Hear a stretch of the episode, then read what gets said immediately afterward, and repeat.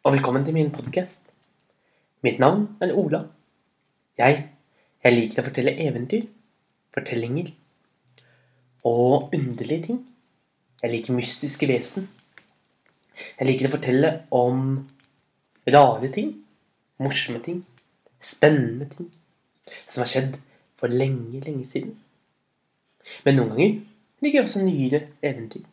Kanskje til og med noen som er så nye at ingen har hørt dem før. Ikke engang jeg selv. Det er det vi skal i dag.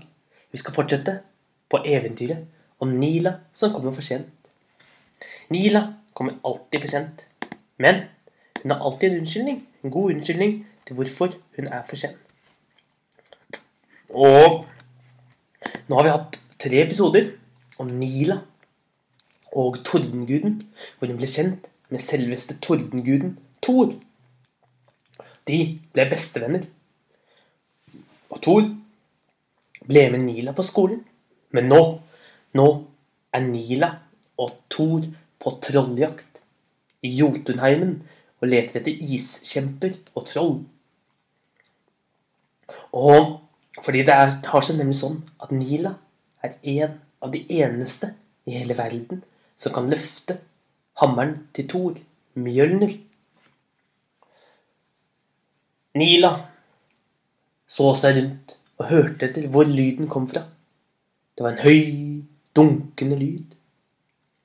Hå-hå, du er heldig i dag, ropte Thor og slo seg godt over skulderen. Jeg tror du får en skikkelig sværing. Du er heldig. Og ganske riktig. Langt, langt der borte så kom det en iskjempe. Han var så høy.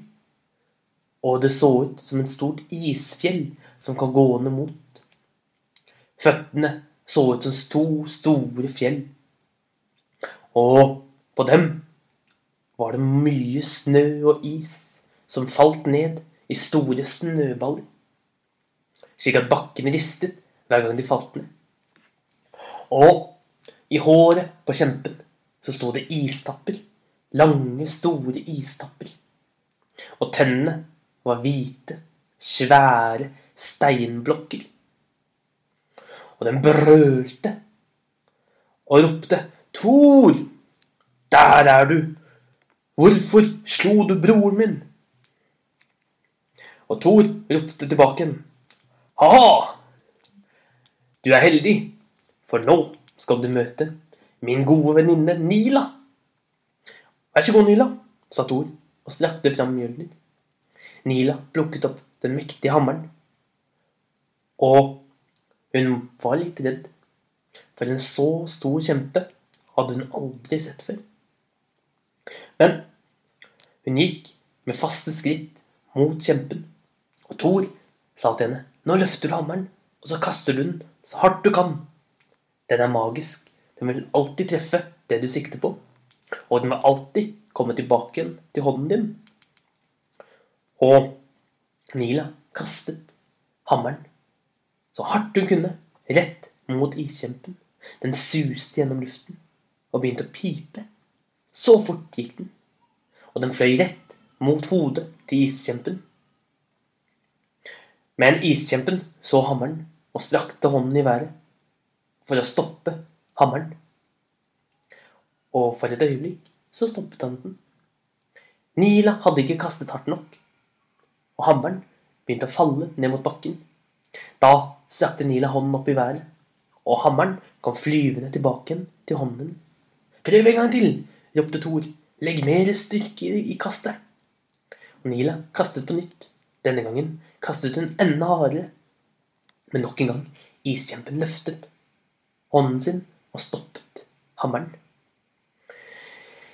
Dette går ikke! Iskjempen er for rask! ropte Nila. Gi opp, sa Thor. Du finner alltid en løsning. Bare husk, hammeren treffer uansett hva du gjør. Uansett hva jeg gjør, tenkte Nila. Det er sant. Jeg trenger ikke å kaste rett fram. Nila tenkte seg godt om. Så tok hun opp hammeren. Så kastet hun den alt hun kunne. Men hun kastet den bakover.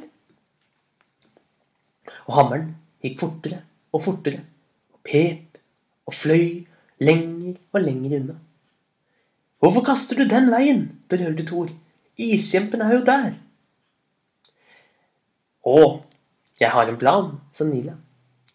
Og hammeren suste fortere og fortere, lenger og lenger unna. Snart kunne de ikke lenger se den.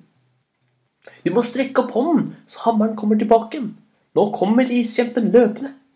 Og ganske riktig, iskjempen hadde begynt å løpe mot Nila. Men Nila sto og ventet ennå. Så hva venter du på? ropte Thor. Du må strekke opp hånden. Han kommer til å gjøre oss flate som en pannekake. Men Nila ventet ennå, og kjempen kom nærmere og nærmere. Bakken ristet. Kjempen løftet et kjempestort sverd laget av ren is med mange skarpe ispigger på, og svingte det rundt hodet, klar til å angripe. Nå må du skynde deg! brølte Thor. Da strakte Nila hånden opp i været. Men hammeren var så langt unna. Den hadde flydd rundt halve jorden. Og nå kom den tilbake. Etter å ha flydd en hel runde rundt jorden, så fløy den tilbake. Og iskjempen var ikke forberedt. Og hammeren hadde bygget opp så mye fart etter å ha gått rundt hele jorden at den traff kjempen midt i bakhodet. Så den falt om på bakken og ikke beveget seg mer. Det var genialt! ropte Thor. Jeg har aldri tenkt på at du kan kaste hammeren rundt hele jorden. Det var det smarteste jeg har sett. Og så, så lo han. Og de lo så godt sammen. Snart så lå de på bakken og rullet rundt på ryggen mens de holdt seg på magen og lo og lo og lo. For det hadde sett så morsomt ut når kjempen hadde falt og landet på ryggen. Nå syns jeg det er på tide med lunsj, sa Nila. Helt enig, sa Thor. Vi er ganske nærme en venn av meg. La oss dra til havet. Der kan vi hilse på Æge. Æge, han er god til å lage god mat. Det kan vi gjøre, sa Nila. Og de reiste av gårde med vognen og fløy over himmelen. Og snart så de det store havet, så langt øyet kunne se, hav på hav på hav. Og der var det et slott og i slottet sto Æge og ventet. Æge var kjempestor. Han var nok en kjempe, han også. Han var en havkjempe. Æge og jeg er gode venner, sa Thor. Jeg ga, ga han nemlig masse Den største gryten i verden til å lage det beste mjødet i hele verden. Men nå, nå får vi høre om han er godt eller dårlig humør. Hvis han er i dårlig humør, så sender han hele havet på oss. Jo, Æge! ropte Thor. Han brølte slik med slik kraft at Nila nesten fløy bakover. Og Æge brølte tilbake. Ja, Thor! Jeg er sulten! brølte Thor. Har du mat? Ja visst, sa Æge. Og Æge satte fram en stor Stor gryte. Det var den største gryten Nila noen gang hadde sett. Gryten var så stor at det var plass til mange, mange fotballbaner oppi. Ja, den var like stor som en liten by. Og Æge puttet mange, mange rare ting oppi.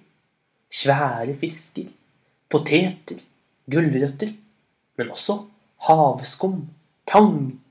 Han puttet oppi hummer, han puttet oppi alle andre rare ting. Og til slutt mange store steiner oppi. Nå er det snart mat, humret Thor. Og hva som skjer videre, det skal vi høre i neste episode. Om hvordan Nila kommer for sent.